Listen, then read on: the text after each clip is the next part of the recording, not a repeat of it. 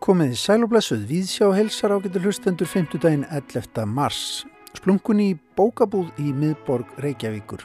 Hugrekki, ómertar umkomuleiðir og skór og frímerki í viðsjá í dag. Bækur og þær hansi margar, vöflur, tvö eða þrjú skákborð, Forláta flíil og bar en þó ekki búla og allt í hjarta Reykjavíkur.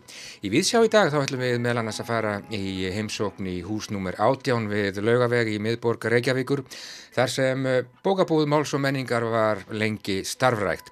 Ný bókabúð verður opnuð þar í apríl ef allt gengur að óskum en Ari Gísli Bragason gerðan kentur við fornbókabúðina Bókina við Klapparstík Hann er nú í óða önn á samt eh, sínu fólki að koma sér fyrir í húsinu með mikinn bókakost og raunar margt, margt fleira. Þetta geti orðið ansi fínt. Við ætlum að ræða við Ara Gísla í Víðsjá í dag. Við sögu í þættinum koma líka skóari stjarnana og vermætustu frímerki veraldar.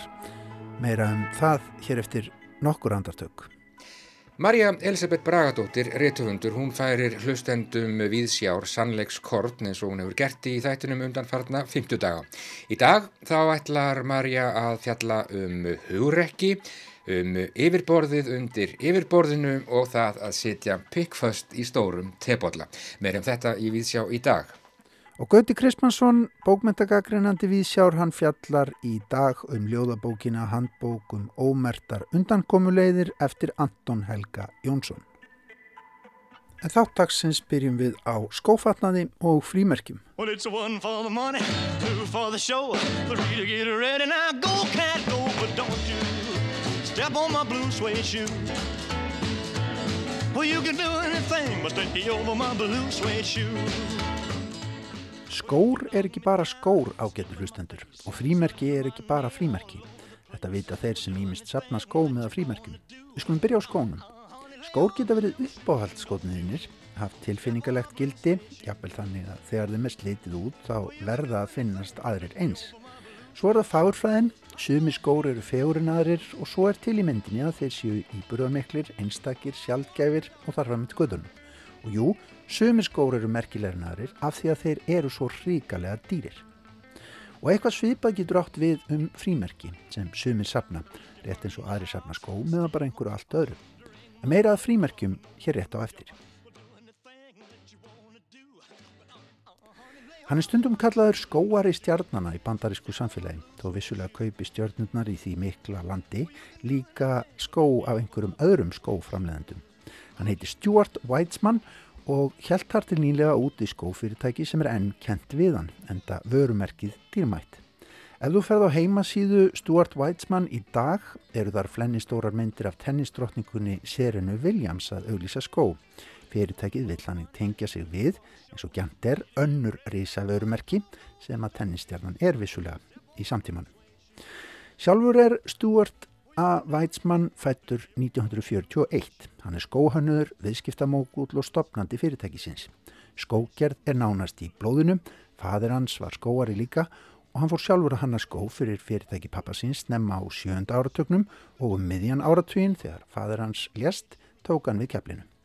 Stuart Weitzman er í dag velgjörðarmadur ímissa verkefna, nefnum á til dæmis að í fyrra var tilkynnt að hönnunardelt háskólans í Pennsylvania er þið endur skýrð og látin heita Stuart Weitzman School of Design vegna stuðningssans við skólan.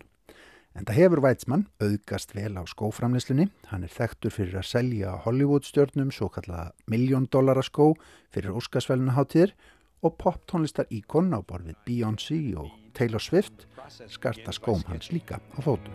I'm always thinking of the woman. Whatever the trend might be, I'm thinking of the woman for whom I'm designing it.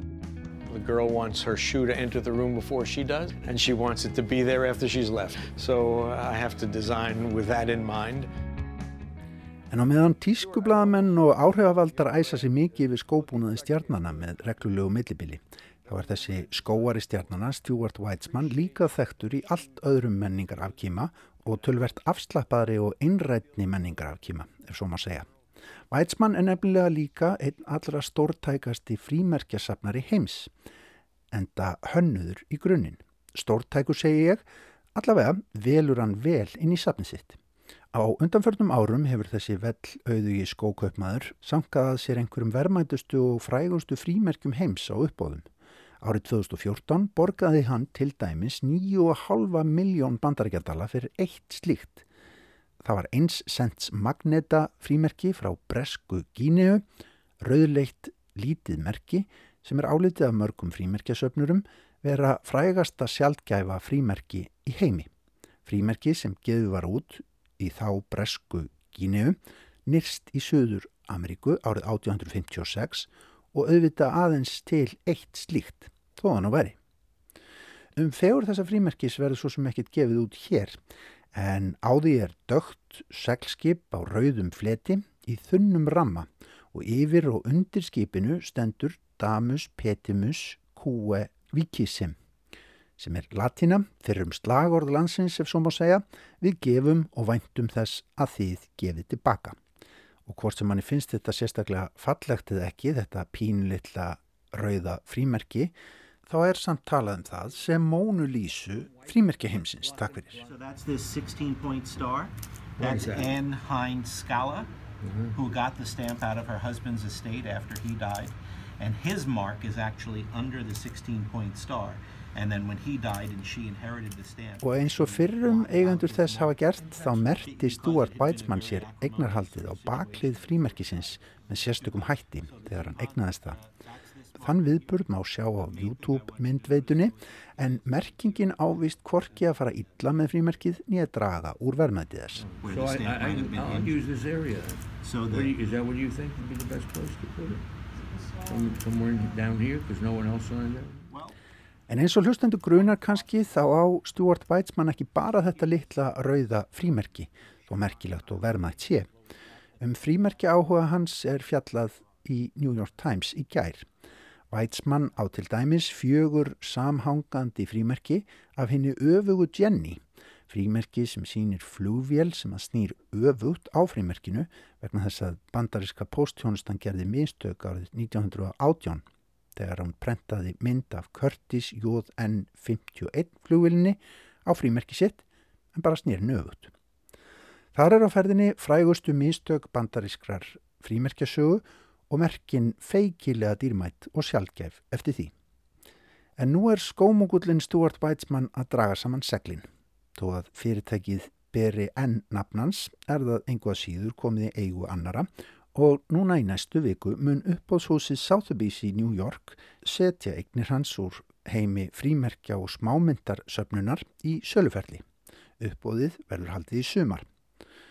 Öfugu djenniðarnar verða þarna, rauða frímerkið, það allra allra dýrasta frá Bresku Gíniu og einhver verðmætasta smámynd heims líka, 20 dólara gullmynd frá 1933 sem kallast tvöfaldi örnin. Slegin fyrir mistök og endurkölluð á sínum tíma en ekki alveg öll eintökin. Fyrir þessa mynd borgaði Weizmann 7,6 miljónir dólara árið 2012 og vill því líklega fá fjárfestinguna tilbaka. En af hverju selur hann þetta? Jú, Weizmann er áttræður á þessu ári og í viðtali við New York Times segir hann að það að eignast þessa gripi hafi verið æsku draumur hans sem hann hafi verið svo heppin að geta látið rætast.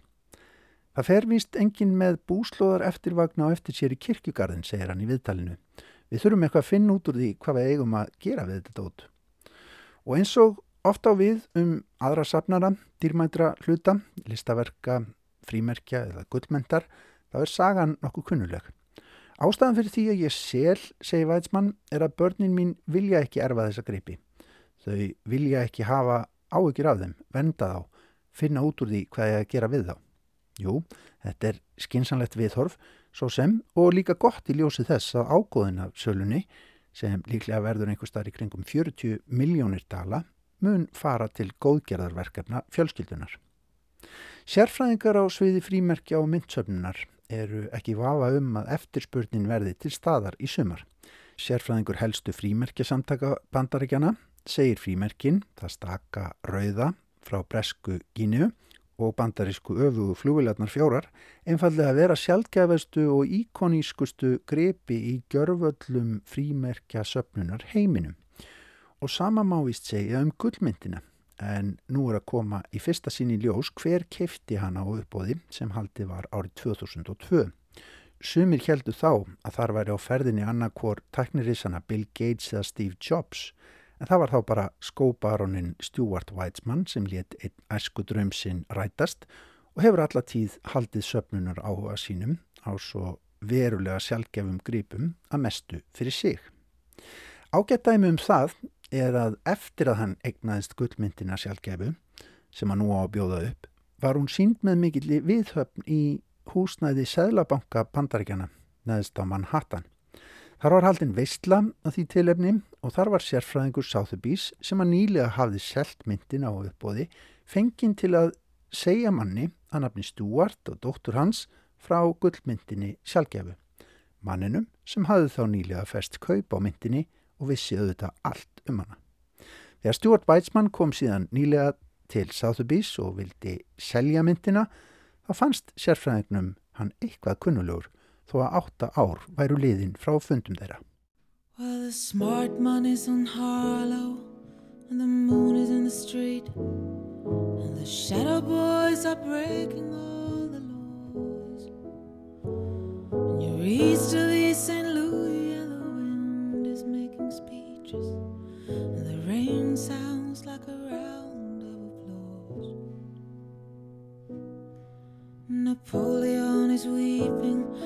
in his carnival saloon.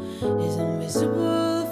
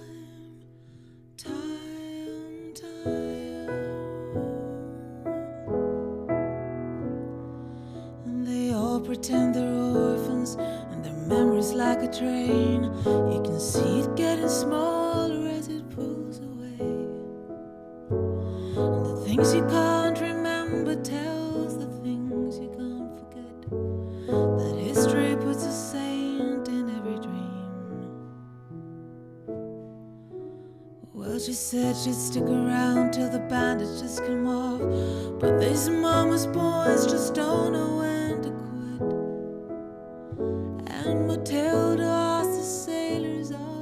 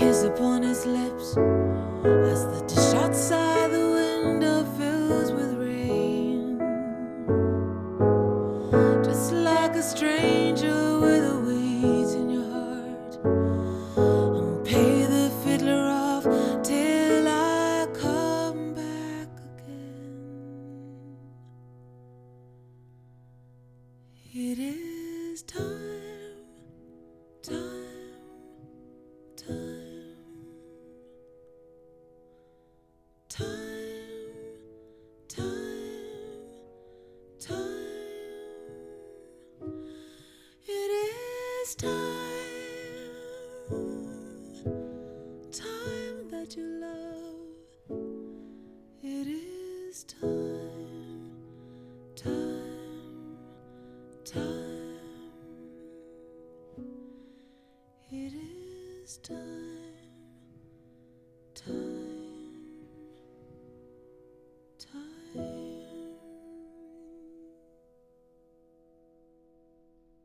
Þarna var það norska jazzsöngkunan Solveig Slettagell sem að söng lag Tom Waits um tíman, dásanlegt lag og fór heldur betur vel með það.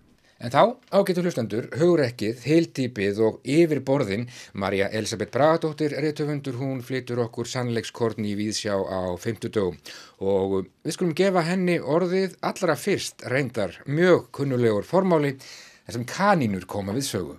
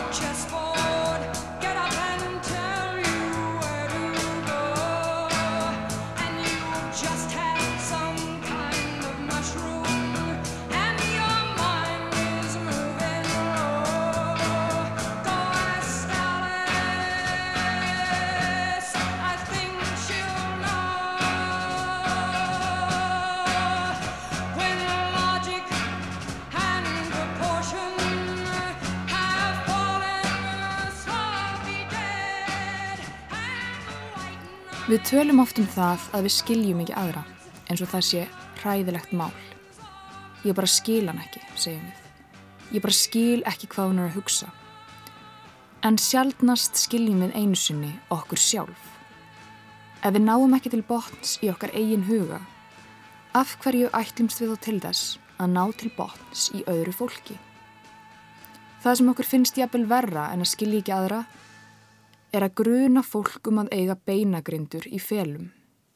Við segjum, þau eru með einhverjar beinagrindur í skápnum. Yfirborðið er slétt og fallegt, en þarna undir niðri er heill kirkjugarður. Eins og það sé alveg skelvilegt, eins og það sé hræðilegt. Auðvitað hræðist ég beinagrindur í skápum eins og ég hræðist heildýpið sem gæti linst undir yfirborðinu. En það er annað sem ég hræðist enn meira. Ég kem á því á eftir. Fyrst ætli ég að tala um það að vera hrætt og það að setja föst í stórum tebolla. Þegar ég var barn ótaðist ég allt mögulegt.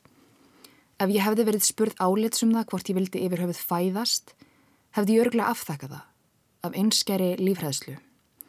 Það var ekki hlut af sjálfsmynd minni þegar ég var barn eða unglingur, að ég væri hugrökk. Ég fór ekki í rennibrautina í sundi, heldur sat og soðnaði í heitapottinum. Fyldist fíld á svip með öðrum börnum renna sér.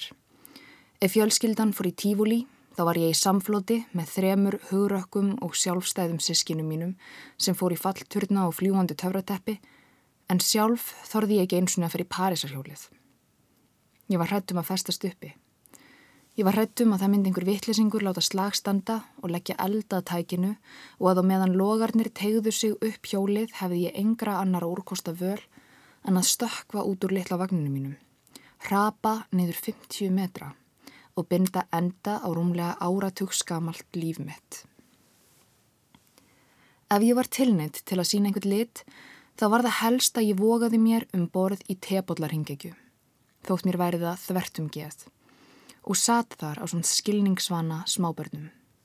Tebóllar í yfirstærð hrifðust afar hægt, snérust sílalega um sjálfa sig í takt við högtandi vögguvísu úr byluðu hátalaраkerfi. Sum barnana orguðu, önnur skríktu af gleði.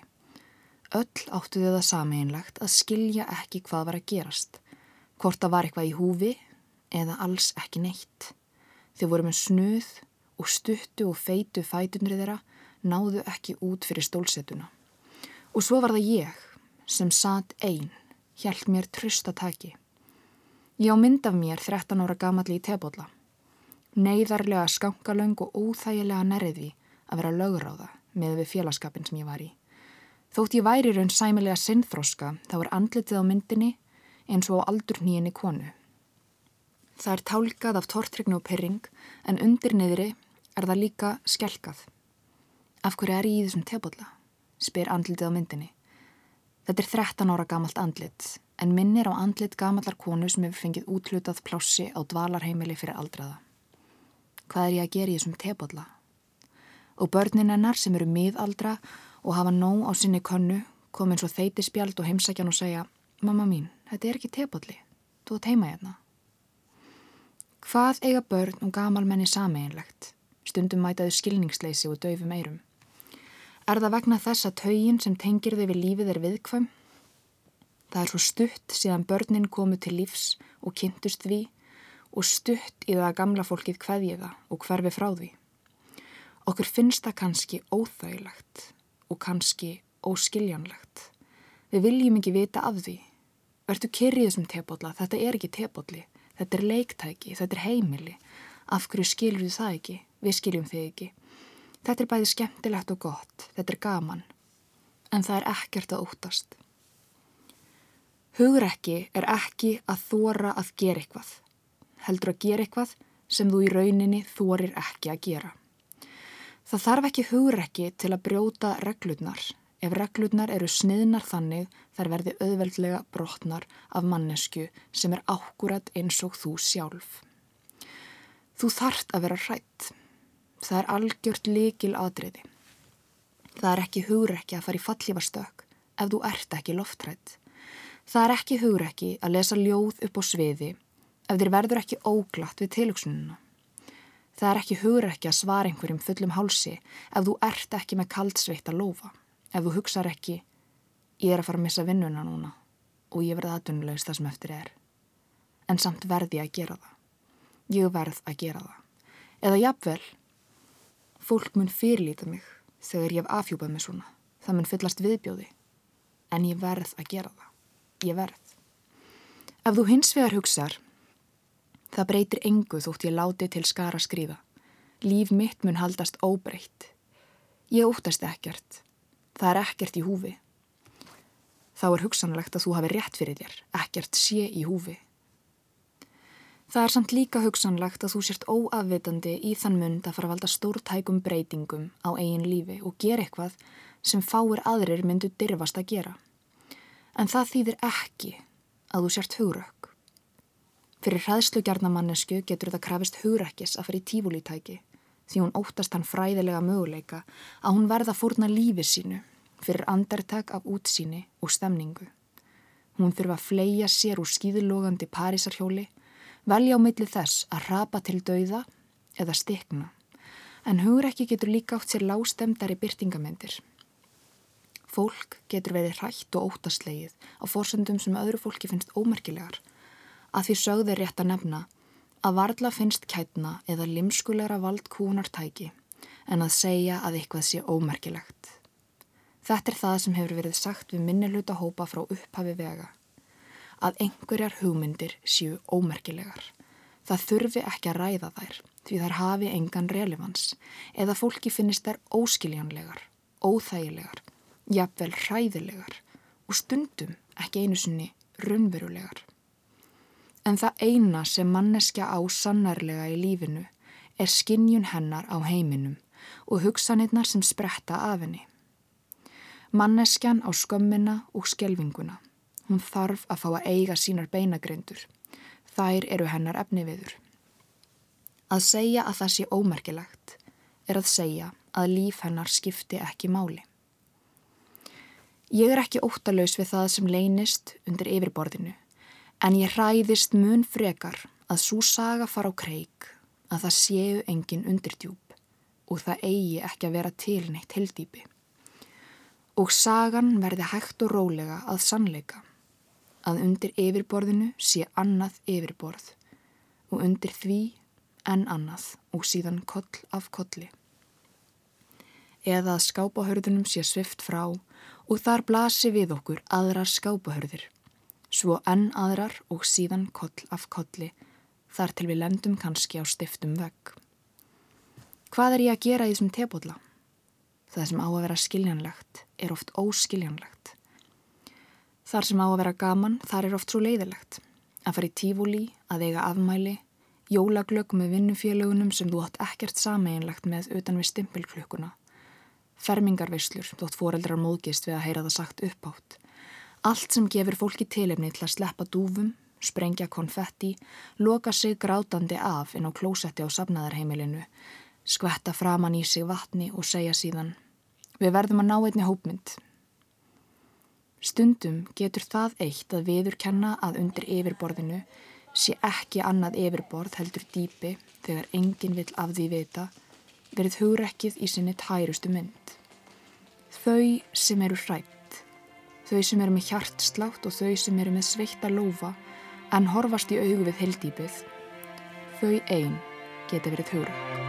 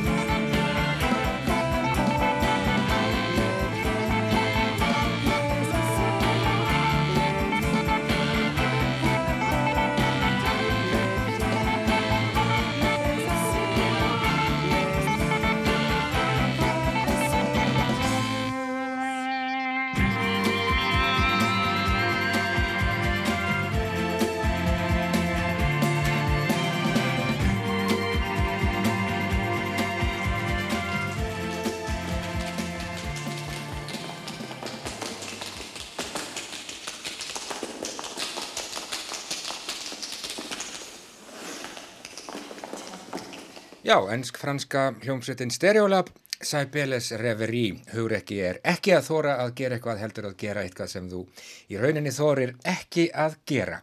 Marja Elisabeth Bragadóttir, réttufundur, sannleikskorn, hugrekkið, heildýpið og yfirborðin hér í Víðsjá á fymtudegi. Þetta var eh, síðasti pistill Marju Elisabethar fyrir okkur hér í Víðsjá að sinni.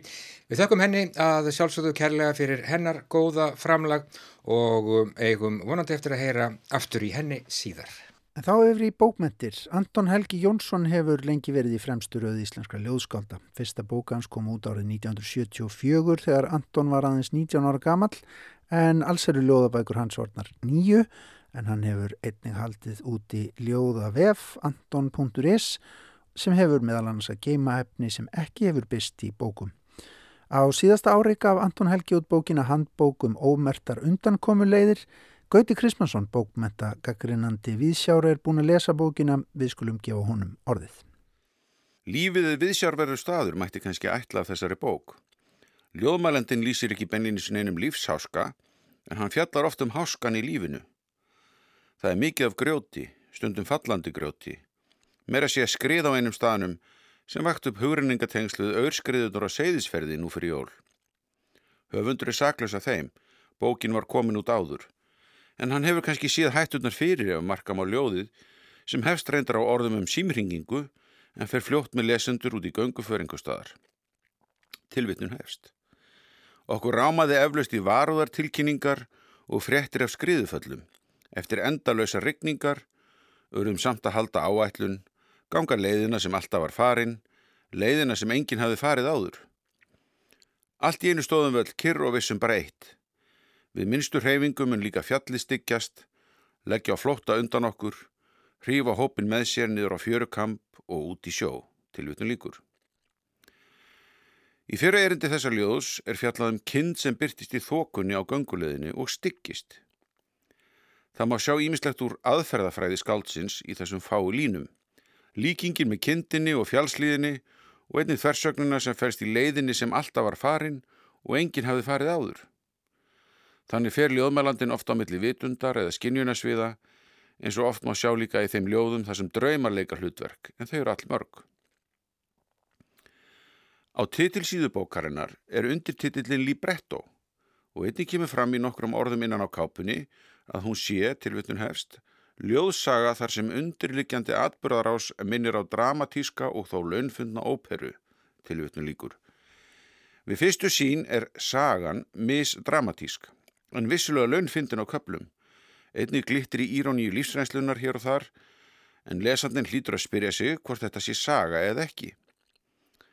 Við nánari lestur verður þó að viðkennast að hér er haldið á þræði, þótt hann sé ekki sá klassíski sem byggir á samhengi tíma, atbörða og staða, heldur sá mótaníski sem býr til samhengi með merkingarsviðum sem tengjast aftur og aftur og mynda þannig keðju þar sem heyram á í öllum hlekkjunum við að hrista eittera.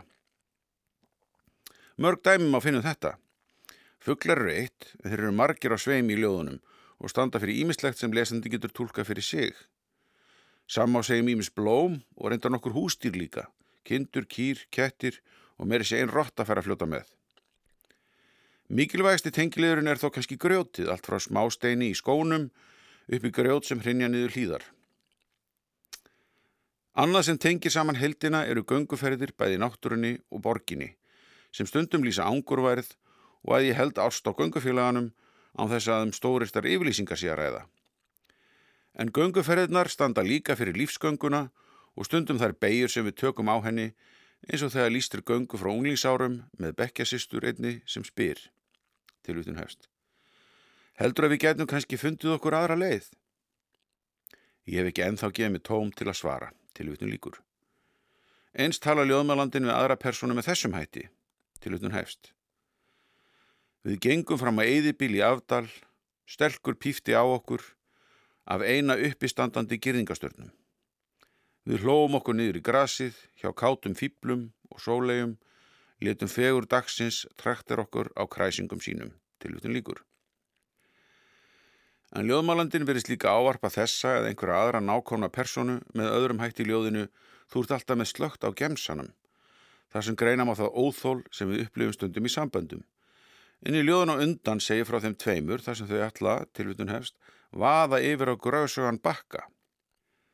Áinn hafði eitt sinn markað skil hreppa og enn voru þetta skýr mörg, tveir heimar, grjótið öðru megin, grasið hinnu megin.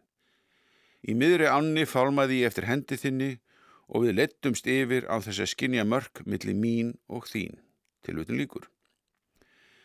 Skáldi fer hér í áttina því að gefa dauðum hlutum mannlega einleika sem þótti stundum ófínt áður fyrr eins og merkja má við enska heitinu Pathetic Fallacy en höfundur beitir þessu stílbræði stundum að henni bestu list með einföldu í eins og sjá má í þessu erindi til utun hefst. Ég greip upp stein sem kallaði, kvíslaði til hans nafni, fleitti honum til hafs til utun líkur. Skilin millir lífríkis og steinaríkis lesast þannig upp og mynda þannig nokkra hlekki í keðjunni. Það er fremur fátt um beinarvísanir til verka annara höfunda í þessum ljóðum, ef undan er skilin Lísa í undraland eftir Lewis Carroll. En þó er ekki frá því að þessi lesandi hafi myndað einhver hugrinningatengsl bæði við Jónas og Stein Steinar hér og þar. Og kannski er ekki frít í ljóðinu hvert er þitt fyrsta verk að þú fengir allræðisvald, sem byggir á endurteknum og mjög írónískum svörum ljóðmalanda. En frít og reynar fleiri skáld unnu oft með svona endurtekin svör við fáranlegum spurningum eða staðhæfingum. Það er ekki úr vegi að lesa þetta ljóð hér svo hlustendir heyri bæði launfyndið og íróníst ljóð úr þessu safni. Tilvitun hefst. Hvert er þitt fyrsta verk ef þú fengir allræðisvald? spyr brosandi kona með hljóðnema sem stöðum mig í vestlunarmiðstöðinni. Ef ég fengi allræðisvald er þið mitt fyrsta verk að kaupa nýja skó.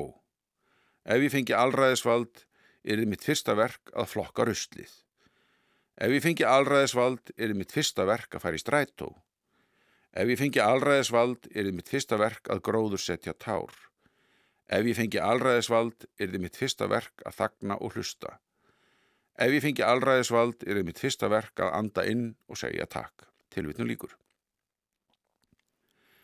Það má kannski segja að postmótanísk íronían drjúpi af þessum línum, en það er með þessa bók eins og svo margar ljóðabækur að það þarf að gefa sér tíma til að lesa sig inn í kjarnan til að geta notið þeirra og hreinlega átta sig á þeim tengingum sem búa inn í þeim og við hinn ytri heim. Því nútíma ljóð byggjast mjög oft á því að þau leita sér undankomulega frá augljósum yfirborðskilningi og skýrleika frásagna í lausu máli. Þótt ekki megi gleima því að mótanismin og postmótanismin hafa líka fundið ímsara undankomulegðir í prósanum, þótt þessi annars eðlis en ljóðsins. En hér er komin handbók um hvernig nýta megi sér þessar ómertu undankomulegðir og þær eru margar skemmtilegar, sumar alvarlegar, aðra kvestaslegar, en áhugaverðar eru þær. Saði Gauti Krismansson um ljóðabókina handbók um ómertar undankomuleiðir eftir Anton Helga Jónsson. En þá ágetur hlustendur liggur leiðin niður í miðbæ Reykjavíkur.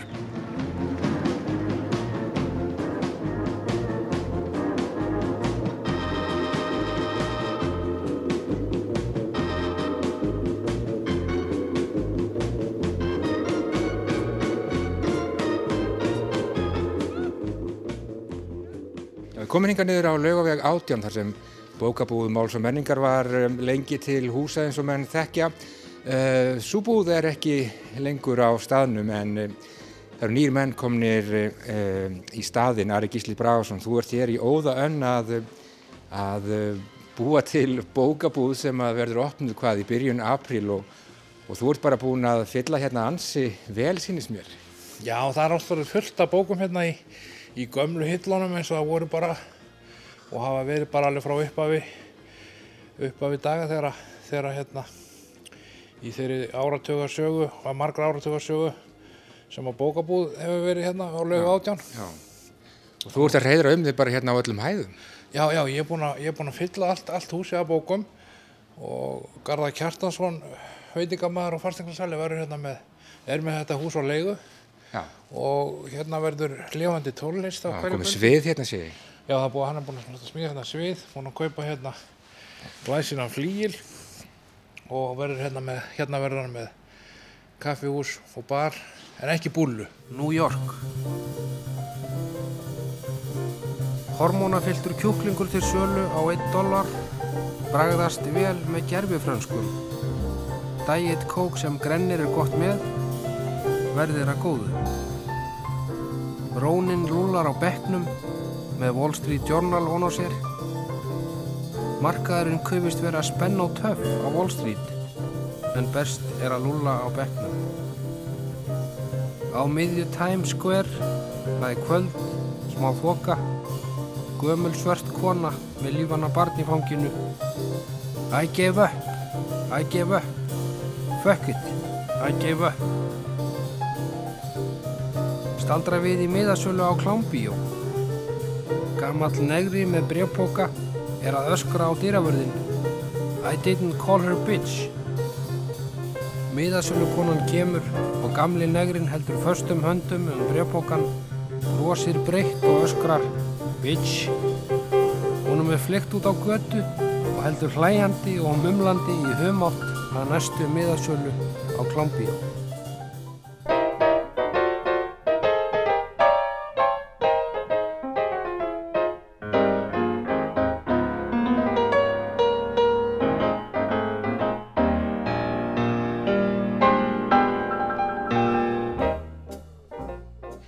Búlu heldur bar. Og barinn er hérna niður á fyrstu hæðinni. Já, já, hérna á fyrsta daginn og hérna það sem að súfinstin var og fleiri með kaffhús hérna Kaffihús, uppi. já. Og það verður kaffhús hérna, vöflur og fleiri á daginn og svo er ég með litla, li, uh, stórt útibú nýri kjallara. Já.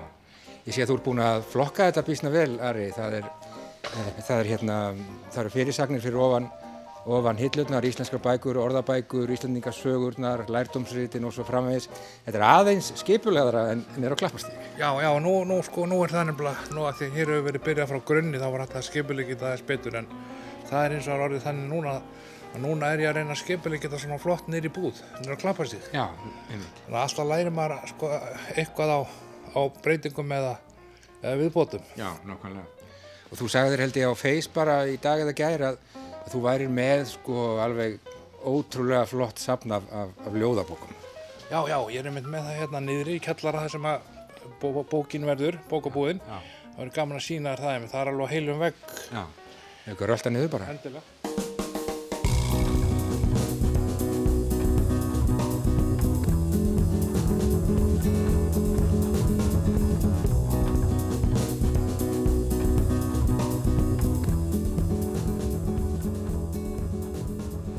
Hér er forláta flýill, þannig að, það er, Já. þannig að þetta verður svona stemningsstaður, er það ekki, Ari? Jú, mér sýnist þetta, sko, þetta er alveg- frábært hús. Já. Það er svo góð, góð, gott karma hérna, góður andi. Að það er hérna bara einhvern veginn, Á, náttúrulega bara að vera bókabúð hér. já, ég er sammála því. Það er Já, bara vera- þannig. Já, já, já.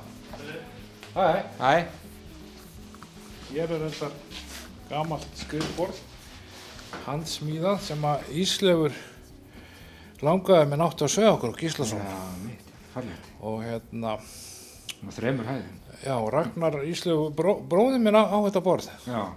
Og ég er að svona geimaði fyrir hann. Geima.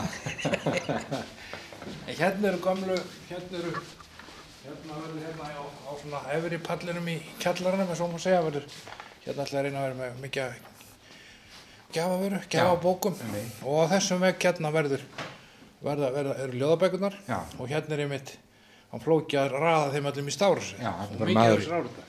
Maður í fullri vinnu, 24 tíma sólarhenga, ræða þessu upp í, í stafrásröð. Já, og ég, og ég hella upp á kaffa á þessa melli.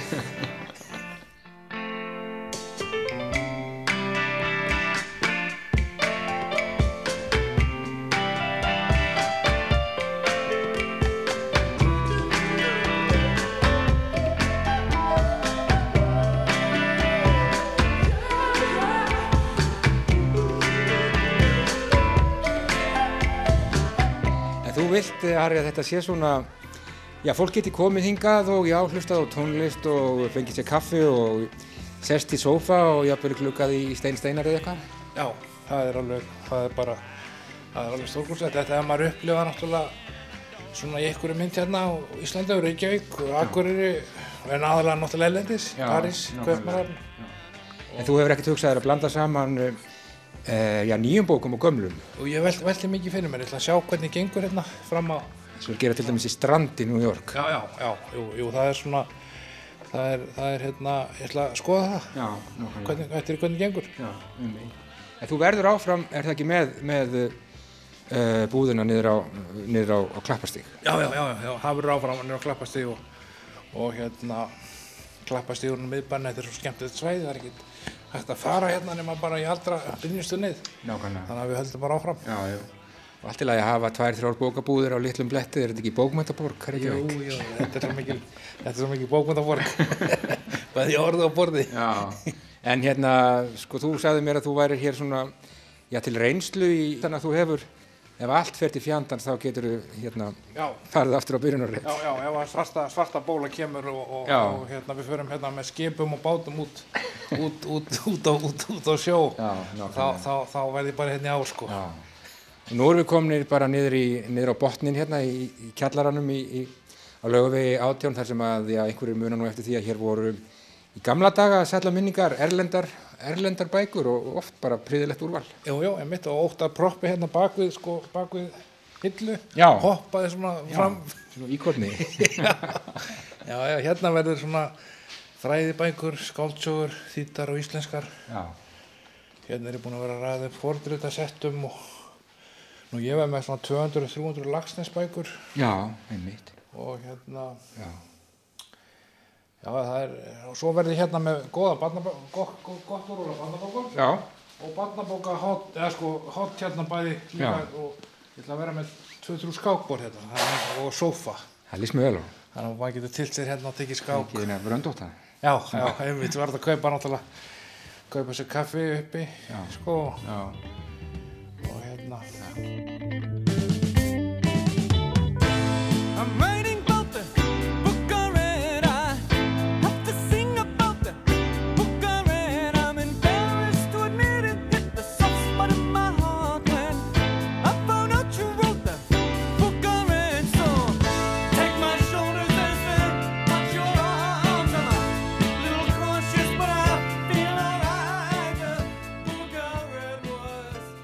Gera þetta, er það ekki, Ari, af, metnað og ég sé að þú ert að gera þetta af, miklu metnaði og þetta gæti bara hreinlega orðið svona, já, ég ymda mér að það að þetta gæti bara verið orðið einna svona miðpunktunum hérna í, í miðborginni. Já, ég er að vona, vona, vona það. Ef ekki bara miðpunkturinn. Jú, jú, jú, jú, einmitt, jú, og fer stækkandi. Já, stekkandi. en hvað segir, hvað hérna, þetta lítur nú bara mjög vel út nú þegar og bara greinilega mjög mikið búið að gera. Þú, þú ert að spekulera í því ekki sagt að opna hér í, í byrjun apríl ef að, Jú, jú, ef það að er Guð sko- leifir. Jú, jú, það er Guð leifir, sko, það er, það er hérna, það var jafnvel planið núna í mars, lók mars, en Já. ég held að maður getur nú eiginlega, ætli maður sé ekki að horfa kannski á byrjun apríl, Já. vonandi ekki mikið setni, en byrjun apríl, kannski mið apríl, Já. En hérna það fyrir eftir í hvernig, hvernig þessi, þessi patta þróast. Já, ef hún fyrir á flug þá, Já, já. þá líst mér ekki á það. Nei, nei, nei, nei, þetta er svona, þetta er alveg akkurat einmitt í, sko, í, í því, sko, ferlið, sko, Já. við verðum bara að standa okkur. Nákvæmlega. Ég er hansi rættur þið muni bara að gera það og ég hlakka til að koma hingað í, í vor og tilla mér niður eitthvað staðar í sófa hér með, með góða bók og, og við getum kannski tekið eina skák ef, við höfum tíma. Endilega, leiðinlegt. Takk fyrir mig Ari og gangi ykkur vel. Takk hérlega fyrir.